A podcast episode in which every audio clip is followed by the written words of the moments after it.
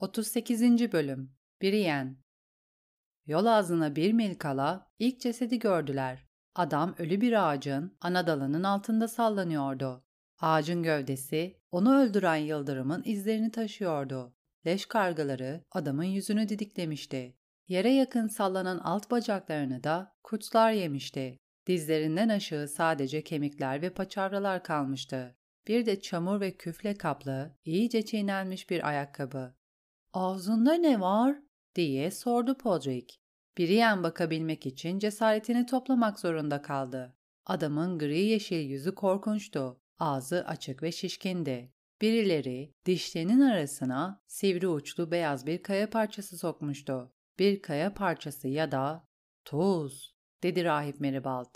50 metre sonra ikinci bedeni gördüler. Leşçil hayvanlar adamı parçalamıştı. Cesetten geriye kalanlar bir kara ağacın dalına bağlanmış ipin altındaki zemine yayılmıştı. Eğer köpek kokuyu alıp daha yakından bakmak için yabani otların arasına zıplamasaydı, biriyen ölü adamın yanından habersizce geçip gidebilirdi. ''Ne buldun köpek?'' Sir Hal atından indi. Köpeğin arkasından gitti ve bir miğferle geri döndü. Ölü adamın kafatası hala miğferin içindeydi. Bazı kurtçuklar ve böceklerle birlikte. ''İyi çelik'' dedi Sir Hal. ''Fazla hasarlı da değil. Süs aslanı başını kaybetmiş ama olsun. Pot, bir miğfer ister misin? O miğferi değil. İçinde kurtçuklar var. Kurtçukları temizlersin delikanlı. Bir kız kadar hassassın. Biriyen kaşlarını çatarak şövalyeye baktı. Miğfer pot için çok büyük. Büyüdüğü zaman tam olur. İstemiyorum, dedi Podrick. Sir Hal omuz silkti ve kırık miğferi yabani otların arasına geri attı. Aslanlı tepe süsü ve her şeyiyle birlikte. Köpek avladı ve bir ağacın dibine gidip bacağını yukarı kaldırdı. Bundan sonra bir cesede rastlamadan 100 metre bile yol gidemediler. Boyunlarına yağlı ilmek geçirilmiş cesetler, kendi iplerin ucunda kara ağaçların, gürgenlerin, kayınların, huşların, çamların, meşelerin, yaşlı söğütlerin ve heybetliği kestane ağaçlarının dallarında sallanıyordu. Hepsinin ağzına tuz doldurulmuştu.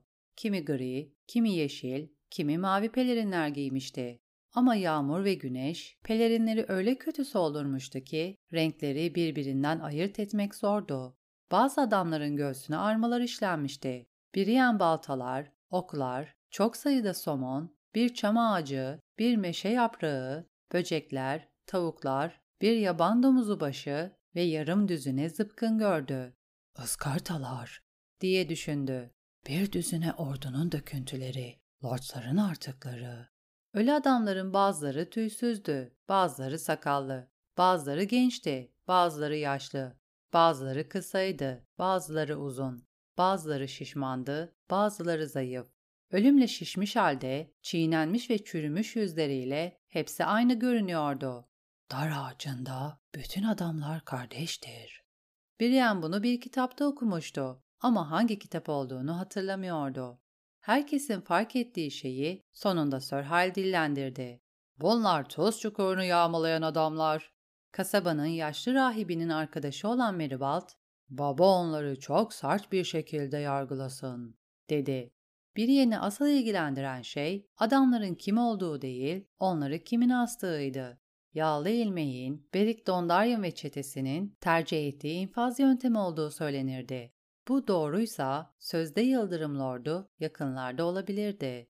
Köpek havladı. Rahip Meribald etrafa bakınıp kaşlarını çattı. Daha hızlı hareket edebilir miyiz? Birazdan güneş batacak. Cesetler geceleri iyi arkadaşlar değillerdir. Bunlar yaşarken tehlikeli adamlardı. Ölümün onları ıslah ettiğinden şüpheliyim. İşte bu konuda aynı fikirde değiliz, dedi Sir Hal. Bunlar ölümünü en çok ıslah ettiği adamlar. Yine de atını mahmuzladı ve küçük kafile biraz daha hızlı yol aldı. Daha ileride ağaçlar seyrelmeye başladı ama cesetler değil. Orman çamurlu arazilere dönüştü. Ağaç dalları dar ağaçlarına. Yolcular yaklaşırken karga bulutları çığlıklar atarak cesetlerden havalandı ve yolcular geçip gittikten sonra tekrar yerlerine kondular. Bunlar kötü adamlardı diye hatırlattı Biriyen kendine. Ama yine de adamların haline üzüldü. Kendini onlara bakmaya zorladı. Tanıdık yüzler aradı. Bazılarını Harrenhal'dan hatırladığını düşündü. Ama cesetlerin durumu emin olmayı zorlaştırıyordu. Adamların hiçbirinde tazıbaşı şeklinde bir miğfer yoktu. Zaten çok azında herhangi bir çeşit miğfer vardı. Adamların çoğu silahları, zırhları ve çizmeleri alındıktan sonra asılmıştı. Podrick Payne, geceyi geçirecekleri hanın adını sordu. Rahip Meribald bu soruyu hevesle cevapladı. Belki de arkadaşlarının aklını yol kenarına dizilmiş, dehşet verici nöbetçilerden uzaklaştırmak istemişti. Bazıları ona eski han der. Orada yüzyıllar boyunca her daim bir han vardı. Ama bu han ilk Ceharis'in hükümdarlığı sırasında inşa edildi. Kral yolunu yaptıran kral. Ceharis ve kraliçenin yolculuk ederken orada konakladığı söylenir. Han bir zaman için onların onuruna iki taç olarak anıldı. Sonra bir hancı bir çan kulesi yaptırmaya karar verdi ve hanın adını Zangoç Han olarak değiştirdi. Daha sonra mekan uzun John Heddle isimli sakat bir şövalyeye geçti. Adam artık dövüşemeyecek kadar yaşlanmış ve demircilik yapmaya başlamıştı. Yeni bir tabela yaptı. Kara demirden dövülmüş ve ahşap bir direğe asılmış üç başlı bir ejderha. Hayvan o kadar büyüktü ki ipler ve tellerle birleştirilen 12 ayrı parçadan oluşturulmak zorundaydı. Rüzgar estiğinde tabela gıcırdayıp zangırdadı. Böylece han dört bir yanda zangırdayan ejderha olarak tanındı. Ejderha hala orada mı? diye sordu Podrick. Hayır, dedi rahip Meribald. Demircinin oğlu yaşlı bir adam olduğunda dördüncü Egan'ın Piçoğullarından biri meşru ağabeyine karşı ayaklandı. Ama arma olarak siyah bir ejderha seçti. O vakitler bu araziler Lord Derry'e aitti ve Lord Derry krala şiddetle sadıktı. Kara demir ejderhanın görüntüsü Lord'u çok öfkelendirdi. Derry ahşap direği kesti, tabelayı parçalara ayırdı ve onları nehre attı. Ejderhanın başlarından biri yıllar sonra sessiz adanın kıyısına vurdu. Ama o zamana kadar pas yüzünden kırmızı olmuştu. Hanca bir daha tabela asmadı. Böylece insanlar ejderhayı unuttu ve hana nehir hanı demeye başladı. O günlerde üç dişli mızrak hanın arka kapısının altından akardı. Hanın odalarının yarısı suyun üzerine inşa edilmişti. Konuklar pencerelerinden dışarı olta sarkıtıp alabalık tutabilirdi. O zamanlar burada bir yolcu teknesi rıhtımı da vardı. Yolcular nehri geçip Lord Harrowby'nin kasabasına ya da ak duvarlara gidebilirdi. Üç dişli mızraktan buranın güneyinde ayrıldık ve kuzeybatıya at sürdük. Yani nehre doğru değil, nehrin uzağına. Evet deydim, dedi rahip. Nehir yer değiştirdi. Yetmiş yıl önceydi. Yoksa seksen mi? O zamanlar Han, yaşlı Maşa Hedal'ın büyük babasına aitti. Bana bütün bu hikayeleri anlatan Maşa'ydı. Nazik bir kadındı. Ekşi yaprak ve ballı kek severdi. Bana verecek bir odası olmadığında şöminenin yanında uyumama müsaade ederdi ve beni biraz ekmek, biraz peynir ve birkaç bayat kek vermeden asla yola göndermezdi. Şimdi hancı o mu? diye sordu Podrick. Hayır, aslanlar onu astı. Duyduğuma göre aslanlar gittikten sonra Maşa'nın yeğenlerinden biri hanı tekrar açmış. Ama yollar savaş yüzünden çok tehlikeli olduğu için fazla müşteri bulamamış. Hana fahişeler getirmiş. Ama bu bile onu kurtaramamış. Bir lord onu da öldürmüş diye duydum. Sir Hyle alay eder bir şekilde yüzünü buruşturdu. Bir han işletmenin bu kadar tehlikeli olabileceği aklıma bile gelmezdi. Kudretli lordlar taht oyunları oynamaya başladığında sıradan bir insan olmak tehlikelidir, dedi rahip Meribald. Öyle değil mi köpek? Köpek onaylar gibi havladı. Peki, dedi Podrick. Hanın şimdi bir adı var mı?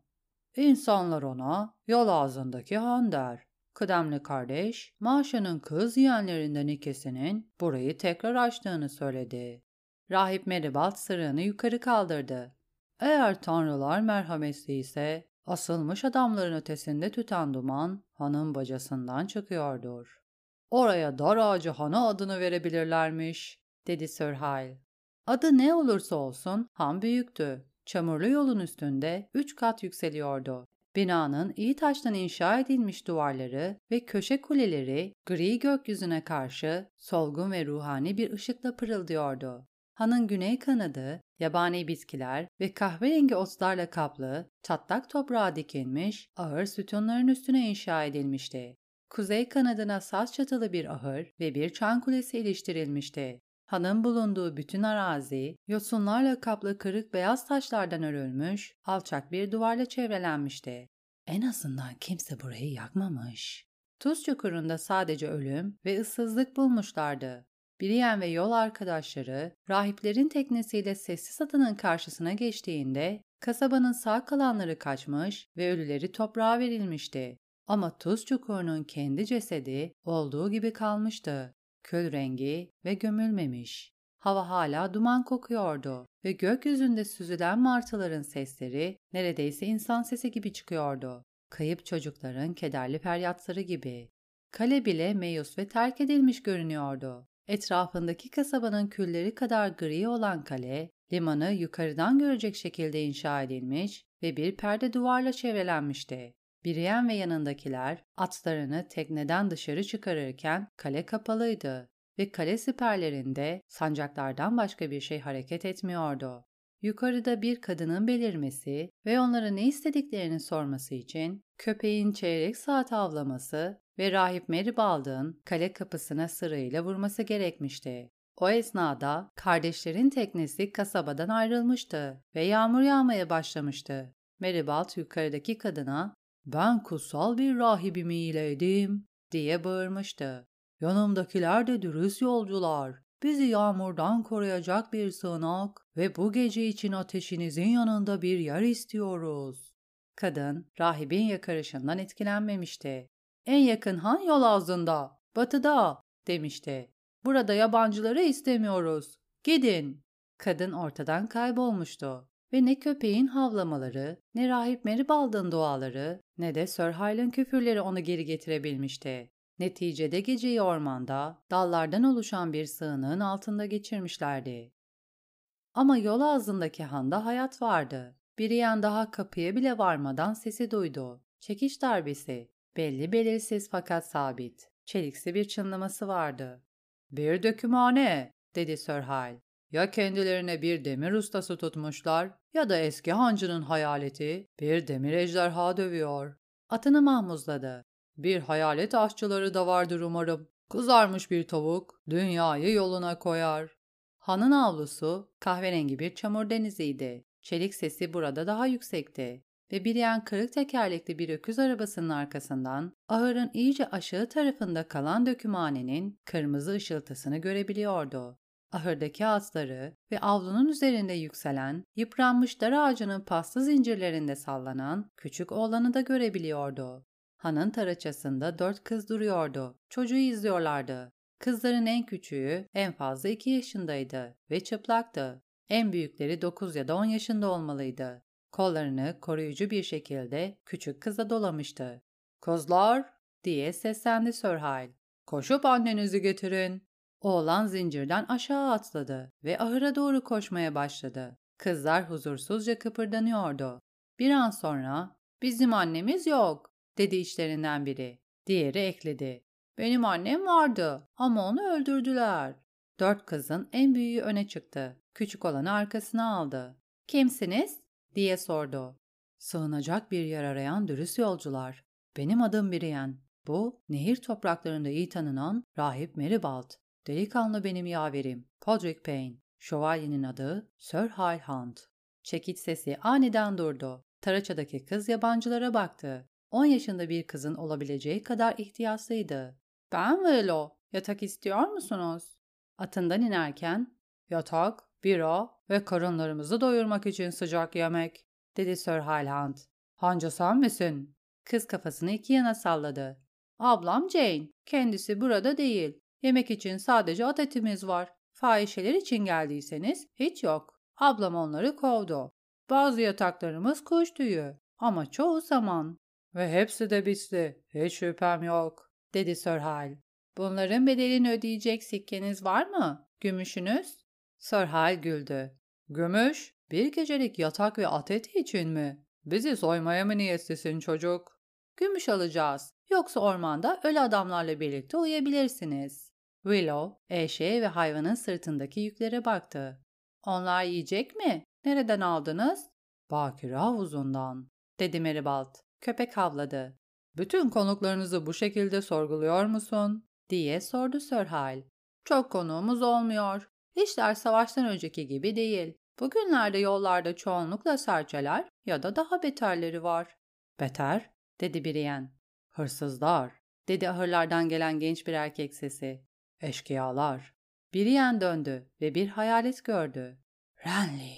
Kalbe inen hiçbir çekiş darbesi Brienne'i bunun yarısı kadar etkileyemezdi.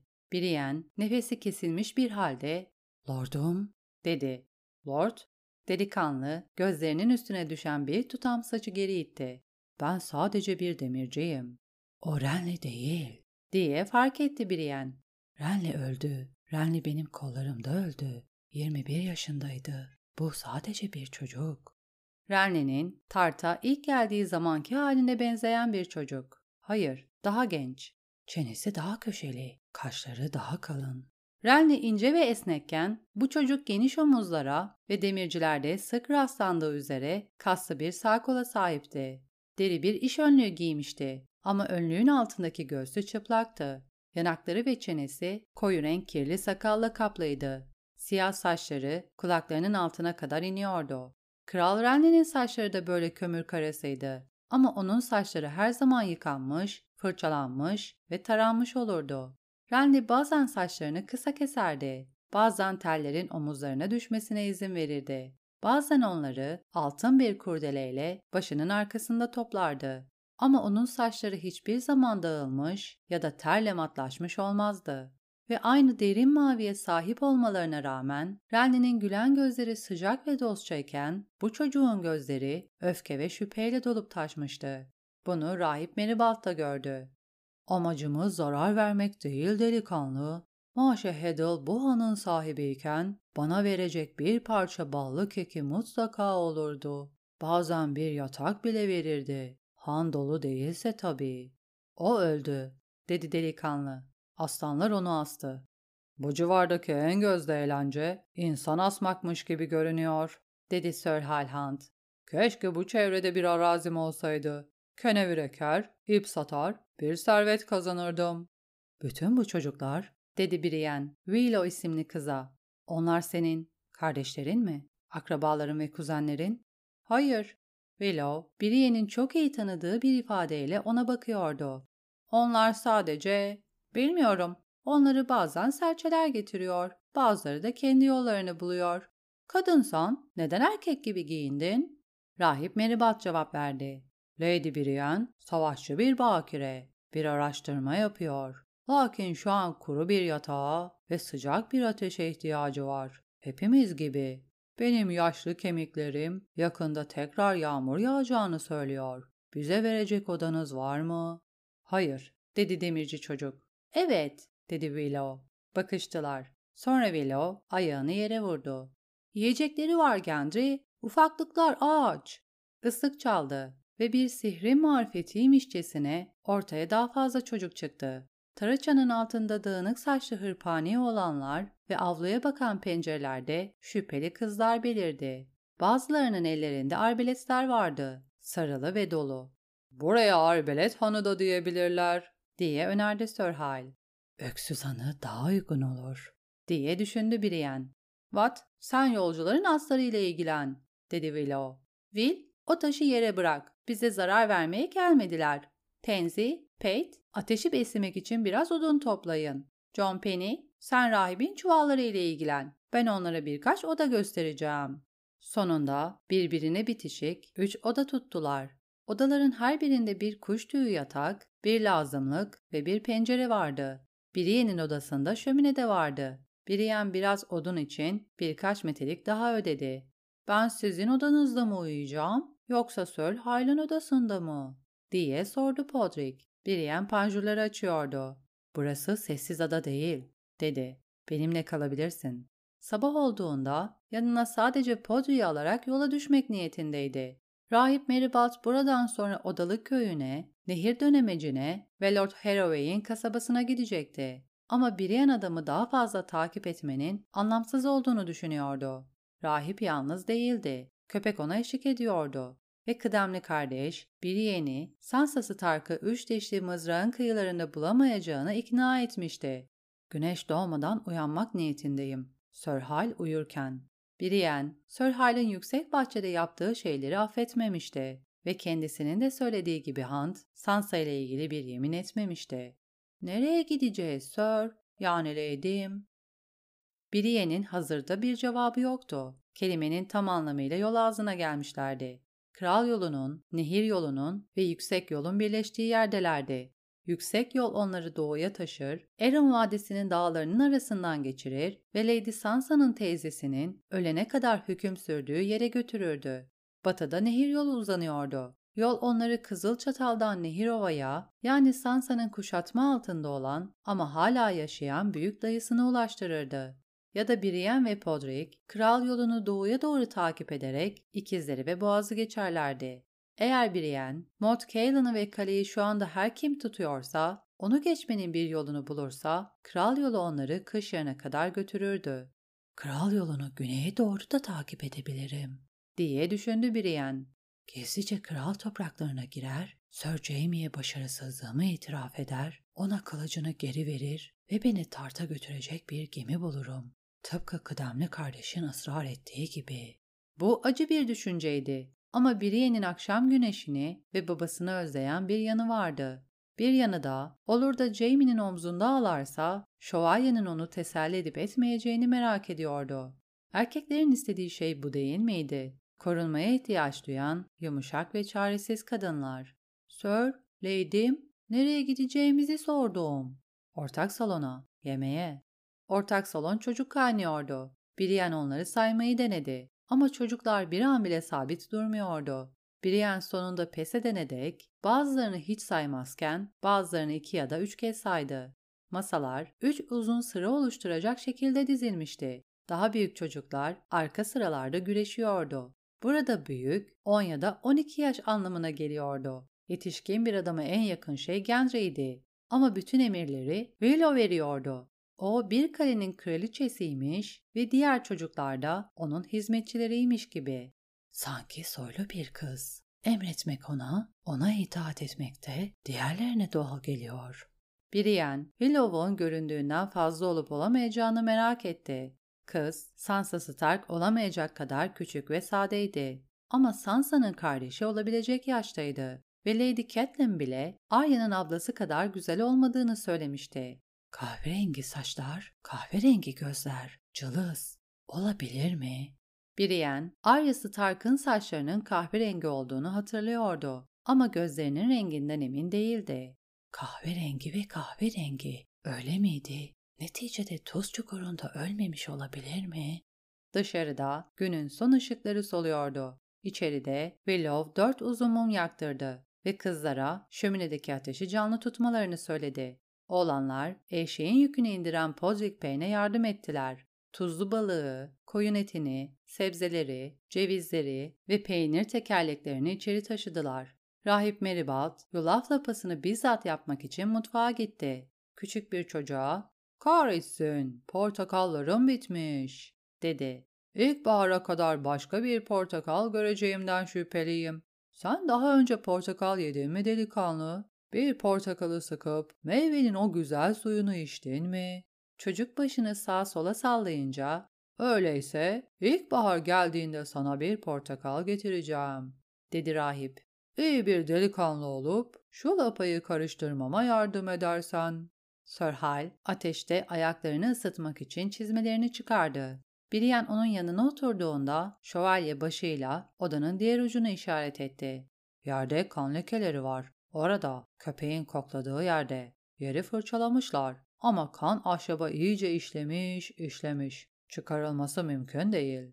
Sandor Clegane, ağabeyinin üç adamını bu anda öldürdü, diye hatırlattı Brienne. Öyle, dedi Hunt.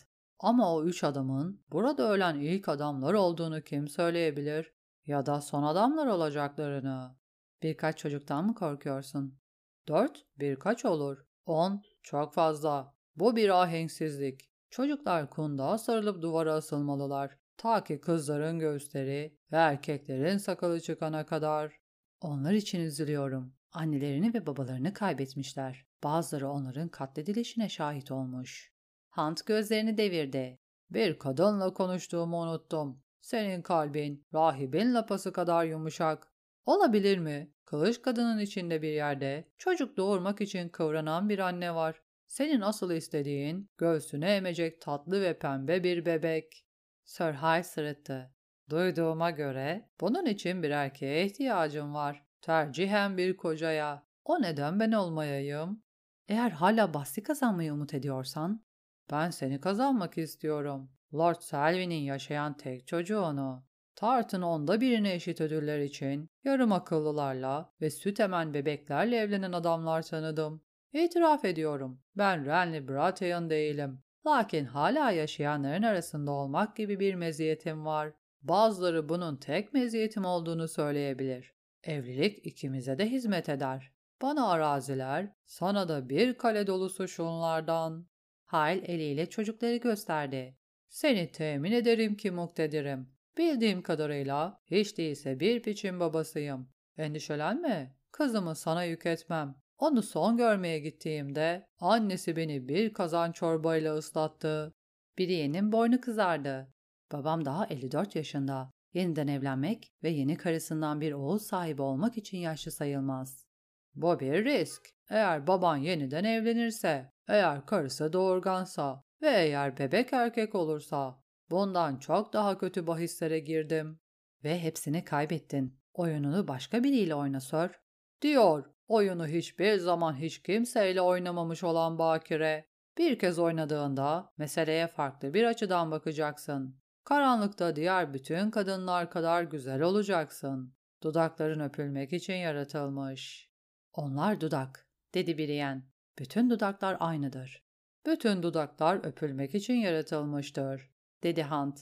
Bu gece kapını sürgüleme. Gizlice yatağına geleceğim ve söylediğimin doğruluğunu kanıtlayacağım. Gelirsen odadan bir hadım olarak ayrılırsın. Brienne ayağa kalktı ve Hunt'tan uzaklaştı.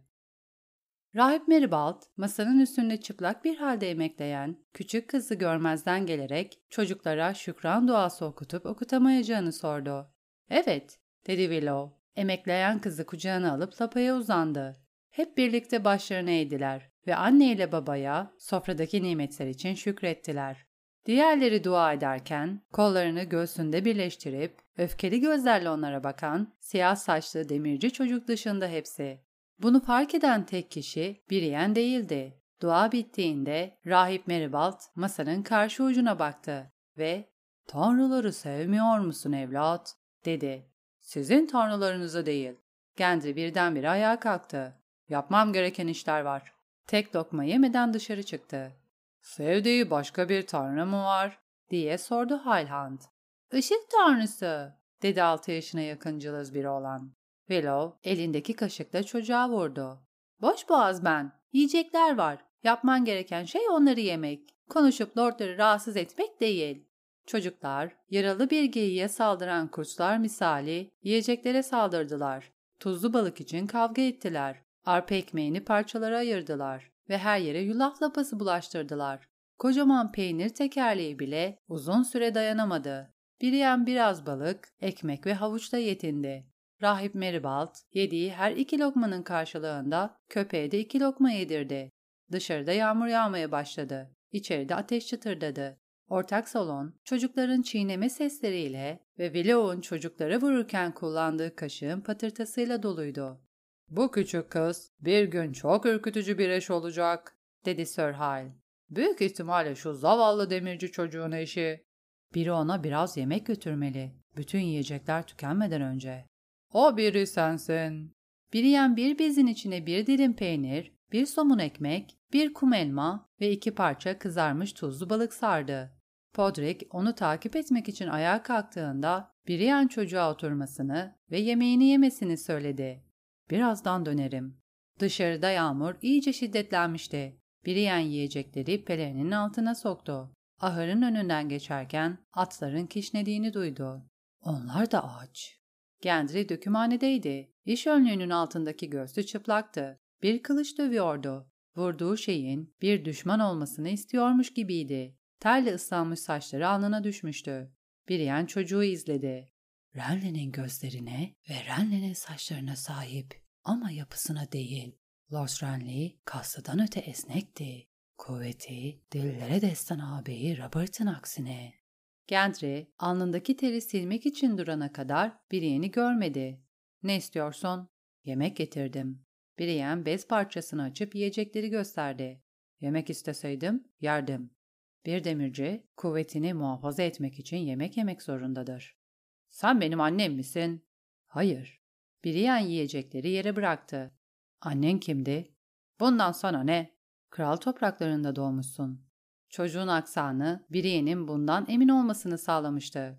Ben ve birçok insan daha. Gendry elindeki kılıcı bir fıçı yağmur suyuna daldırıp tavladı. Sıcak çelik öfkeyle tısladı. Kaç yaşındasın? diye sordu Brienne. Annen hala hayatta mı? Ya baban? O kimdi? Çok soru soruyorsun. Gendry kılıcı bıraktı. Annem öldü ve babamı hiç tanımadım. Bir piçsin. Gendry bunu hakaret olarak aldı. Ben bir şövalyeyim. Bittiğinde bu kılıç benim olacak. Bir şövalye neden dökümhanede çalışır? Siyah saçlara, mavi gözlere sahipsin ve Kızıl Kale'nin gölgesinde doğmuşsun. Kimse sana yüzünle ilgili bir şey söylemedi mi? Yüzümde ne sorun var? Seninki kadar çirkin değil. Kral topraklarında Kral Robert'ı görmüş olmalısın. Gendry omuzlarını silkti. Bazen turnuvalarda, uzaktan, bir kez de Baylor septinde. Kral geçebilsin diye altın pelerinliler bizi yolun kenarına itmişti. Başka bir zaman ben çamur kapısının yanında oyun oynarken kral avdan dönüyordu. O kadar sarhoştu ki az kalsın beni eziyordu. O kocaman şişman bir ayyaştı ama oğullarından daha iyi bir kraldı. Onlar onun oğulları değiller. Stannis, Renly ile buluştuğu gün gerçeği söylüyordu. Joffrey ve Tommen, Robert'ın çocukları değildi. Ama bu çocuk... Beni dinle, dedi Brienne. Sonra köpeğin çılgınca havladığını duydu. Biri geliyor. Dostlar, dedi Gendry kaygısızca. Ne çeşit dostlar?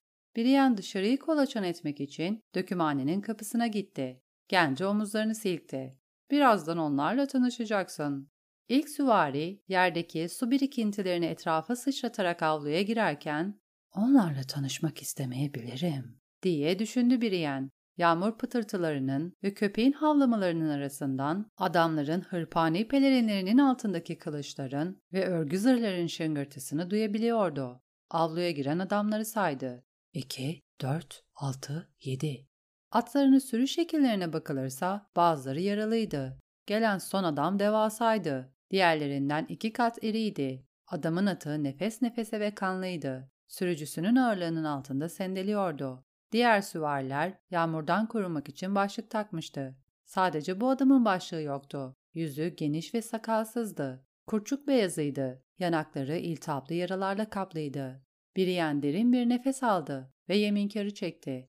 Kalabalıklar diye düşündü endişeyle. Çok kalabalıklar. Gendry dedi alçak bir sesle.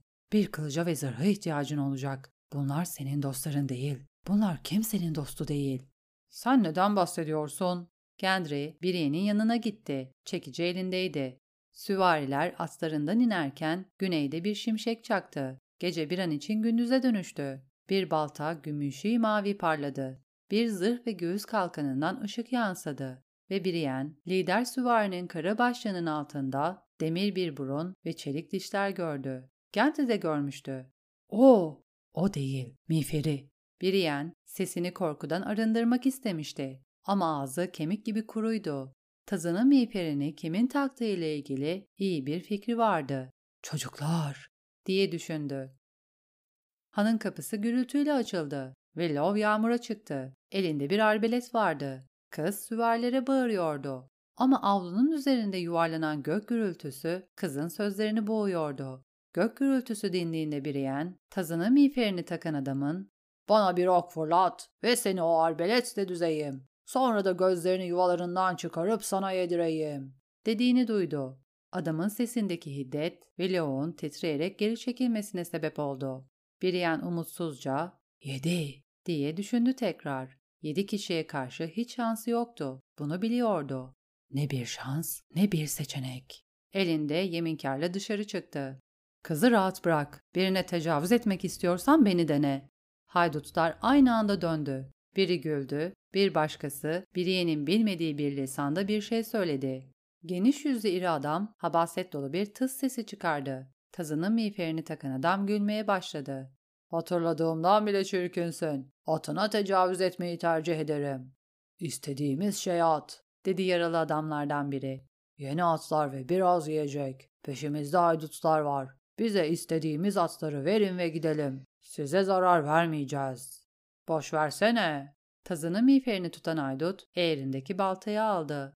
Onun kahrolası bacaklarını kesmek istiyorum. Onu bacak köklerinin üstüne yerleştireceğim ki arbeletçi kızı nasıl düzdüğümü seyredebilsin. Neyle düzeceksin? diye alay etti Brienne. Burnunu keserken erkekliğini de kesmişler. Shagwell söyledi. Brienne adamı kışkırtmak istemişti ve bunu başardı. Küfürler ederek Brienne'in üstüne yürüyen adamın ayakları yerdeki siyah suları havaya sıçratıyordu. Diğer haydutlar gösteriyi izlemek için geri çekildi. Brienne de bunu yapmaları için dua etmişti. Bir taş kadar kıpırtısız durdu. Bekledi. Avlu karanlıktı. Zemindeki çamur kaygandı. Bırak o sana gelsin. Tanrılar merhametli ise kayar ve yere düşer. Tanrılar o kadar merhametli değildi ama Brienne'in kılıcı öyleydi.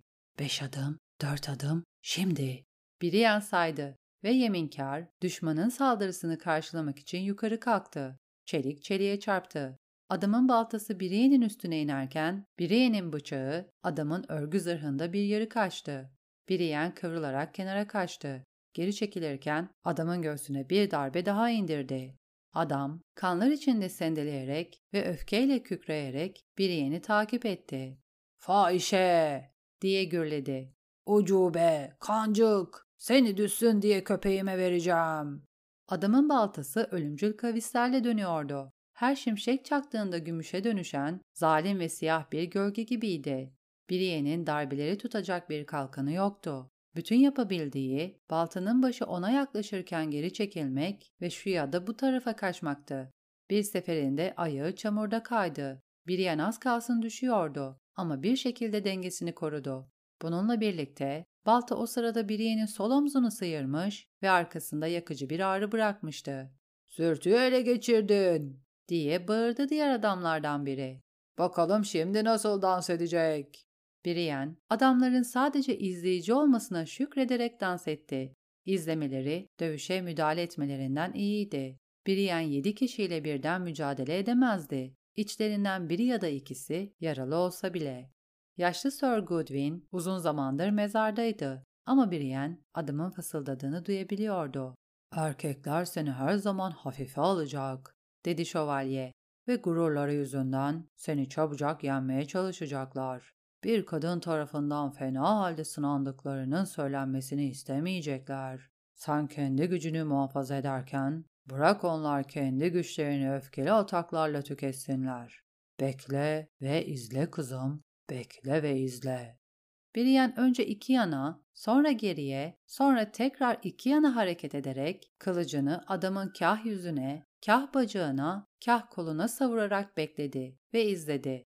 Balta gitgide ağırlaşırken adamın darbeleri yavaşladı. Biriyen adamı dönmeye zorladı ve geriye doğru iki hızlı adım attı. Yağmur şimdi adamın gözlerine giriyordu. Adam küfretti ve baltasını bir kez daha kaldırdı. Biriyenin üstüne yürüdü. Tek ayağı çamurda kaydı ve Biriyen adamın atağını karşılamak için öne zıpladı. İki eli de kılıcının kabzasındaydı. Adamın pervasız taarruzu onu tam olarak Biriye'nin kılıcının ucuna taşıdı. Yeminkar, kumaşı, örgü zırhı, kaynatılmış deriyi, sonra biraz daha kumaşı geçip bağırsaklara saplandı. Omurgaya sürtünürken gıcırdadı ve sırttan dışarı çıktı. Adamın baltası parmaklarının arasından kayıp yere düştü. Adam ve Biriyen çarpıştılar. köpek başı şeklindeki miğfer Brienne'in yüzüne ezdi. Brienne yanağındaki soğuk, ıslak metali hissedebiliyordu. Yağmur nehir gibi akarak çeliği ezdi. Şimşek tekrar çaktığında Brienne miğferin göz siperinde acıyı, korkuyu ve şaşkınlığı gördü. Kılıcını adamı titreten bir sertlikle döndürürken ''Safirler!'' diye fısıldadı. Adam bütün ağırlığıyla bir çuval gibi Brienne'in üstüne yığıldı. Artık kara yağmurun içinde Brienne'in kollarının arasındaki bir cesetten ibaretti. Brienne geri çekildi. Adam yere düştü. Ve ısırık çığlık atarak Brienne'e çarptı. Islak yün ve süt beyazı etten bir çığ misali Brienne'in üstüne düştü. Ayaklarını yerden kesip onu zemine yapıştırdı. Brienne bir su birikintisinin içine devrildi. Burnu ve gözleri suyla doldu. Nefesi kesildi. Başı bir çatırtıyla yerdeki bir taşa çarptı. Isırık onun tepesine binmeden önce Brienne sadece "Hayır" diyecek kadar vakit buldu. Isırığın ağırlığı onu çamura gömüyordu. Adamın ellerinden biri Brienne'in saçlarındaydı. Kafasını geri çekiyordu. Diğer eli Brienne'in boğazını yakaladı. Yeminkar gitmişti. Brienne'in avcundan alınmıştı. Brienne, ısırıkla sadece ellerini kullanarak dövüşebilirdi. Ama yumruğunu adamın yüzüne indirdiğinde ıslak bir hamur yanını yumruklamış gibi hissetti. Isırık ona tısladı. Brienne adama tekrar vurdu. Tekrar, tekrar, tekrar. Ama adam darbeleri hissetmiyor gibiydi. Brienne düşmanının bileğini tırmaladı. Ama adamın pençesi Brienne'in boğazını daha beter sıktı. Adam onu eziyordu, boğuyordu. Isırığı omuzlarından itip üstünden kaldırmaya çalıştı. Ama adam bir at kadar ağırdı. Brienne'in onu hareket ettirmesi mümkün değildi. Dizini düşmanının bacaklarının arasına geçirmeyi denedi. Fakat dizi adamın karnına denk geldi. Isırık, domuz gibi homurdanarak Brienne'in başından bir avuç dolusu saç kopardı. Hançerim! Brienne umutsuzca bu fikre tutundu. Elini kendi bedeniyle ısırığın bedeni arasında aşağı doğru yürüttü. Parmakları adamın ekşi ve boğucu etinde kıvrandı ve sonunda hançerin kabzasını buldu. Isırık iki elini birden Brienne'in boğazına kenetledi ve başını yere vurmaya başladı. Tekrar şimşek çaktı. Bu sefer Brienne'in kafatasının içinde. Ama Brienne'in eli bir şekilde kapandı ve hançeri kınından çekti. Brienne üstünde ısırık varken hançeri yukarı kaldıramazdı. Bu yüzden bıçağı adamın karnına doğru itti. Parmaklarının arasına sıcak ve ıslak bir şey aktı. Isırık, öncekilerden daha gürültülü bir şekilde tekrar tısladı ve Brienne'in boğazını yüzünü yumruklamaya yetecek kadar bir zaman için bıraktı. Brienne kemiklerin çatırdayışını duydu ve bir an için acıyla kör oldu. Adamı tekrar bıçaklamayı denediğinde ısırık hançeri kaptı ve dizini Brienne'in koluna indirdi. Kol kırıldı. Sonra ısırık Brienne'in kafasını tekrar yakaladı ve yere vurmaya devam etti. Brienne, köpeğin avlamasını ve adamların bağırışmasını duyabiliyordu. İki gök gürültüsünün arasında çeliğin çeliğe çarptığını işitti. Sir Hyle diye düşündü. Sir Hyle dövüşe katılmış. Ama bütün bunlar çok uzakta ve çok önemsiz görünüyordu. Brienne'in dünyası onun boğazına kenetlenmiş ellerden ve üzerine eğilmiş surattan ibaretti. Adamın nefesi bozuk peynir gibi kokuyordu. Brienne'in göğsü yanıyordu ve gözlerinin arkasında onu kör eden bir fırtına kopuyordu. Derisinin altındaki kemikler birbirine sürtünüyordu. Isırığın ağzı imkansız bir genişlikle açıldı. Brienne onun sarı, çarpık ve sivri uçlu dişlerini gördü. Dişler yumuşak yanağına gömüldüğünde Brienne hiçbir şey hissetmedi. Brienne döne döne bir karanlığın içine düştüğünü hissediyordu. Şimdi ölemem, dedi kendine. Hala yapmam gereken şeyler var. Isırığın ağzı geri çekildi. Kan ve etle doluydu. Adam tükürdü, sırıttı ve sivri dişlerini tekrar Brienne'in etine batırdı. Bu defa eti çiğnedi ve yuttu. Beni yiyor diye düşündü Brienne. Ama adama karşı koyacak gücü yoktu. Sanki kendi bedeninin üzerinde yüzüyor ve bu dehşeti başka bir kadının başına geliyormuş gibi izliyordu. Şövalye olduğunu sanan aptal bir kızın başına geliyormuş gibi. Birazdan bitecek, dedi kendine. Sonra beni yese de bir şey fark etmeyecek. Isırık kafasını geri attı ve ağzını tekrar açtı. Uludu, dilini dışarı çıkardı. Dili sivri uçluydu. Ucundan kan damlıyordu. Bir dilin olmaması gerektiği kadar uzundu. Uzadı, uzadı, uzadı. Kıpkırmızı ve ıslak parlıyordu. İğrenç görünüyordu. Karanlık onu almadan önce ''Isırığın dili 30 santim diye düşündü Brian. Neredeyse bir kılıca benziyor. 38. bölümün sonu